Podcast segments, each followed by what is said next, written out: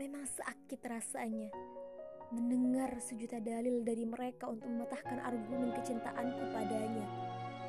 Bahkan hatiku terpukul karena suatu saat seorang pendakwah itu menurutku terlalu kasar menyampaikan dakwahnya. Aku tahu mereka bermaksud baik, aku tahu mereka benar, namun aku lupa bermuhasabah diri.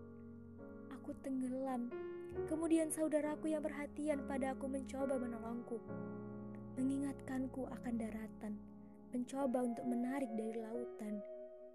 Namun aku enggan. Aku belum benar-benar paham dengan maksudnya. Aku masih berkutat pada pendirianku. Lautan itu menyenangkan, bermain-main dengan ombak. Tanpa aku sadar, aku mulai tenggelam. Saudaraku yang menyayangiku, mencintaiku, tak henti-hentinya menyadarkan aku. Namun aku tetap saja menolak. Kupikir aku mengerti kau bermaksud baik. Biarlah aku seperti ini. Pada waktunya aku juga akan berubah. Dan aku lupa bahwa tak ada yang tahu kapan maut menjemput. Aku menjadi orang bodoh yang mengetahui kebenaran, melihat kebenaran, namun masih percaya pada kepalsuan. Kemudian, sampai pada titik terdalamku, aku tenggelam. Saudaraku yang mencintaiku karena rohnya sudah tak kuat lagi mengingatkan nasihat-nasihatnya sudah tak mempan bagi diriku.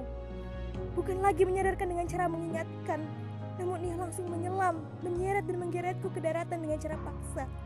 Ia tak rela aku tenggelam, sebab ia cinta.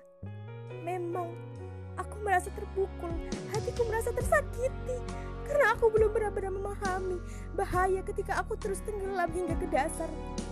Mungkin aku kerasnya hatiku, mungkin karena kerasnya hatiku, aku memang pantas mendapatkan pukulan itu. Sebab segalanya sudah tak mampu meluluhkan hatiku. Aku memang pantas mendapatkannya. Sebab bila bukan dengan cara ini, dengan cara apa lagi? Aku yang belum mengintrospeksi diri, menyalahkan dan membenci saudara sendiri yang sebenarnya mencintai. Semua ini sebab kecintaanku padanya yang sana, yang tak memiliki keuntungan apa-apa. Tidakkah kau bisa berpikir, wahai diri, mana yang harus kau ikuti?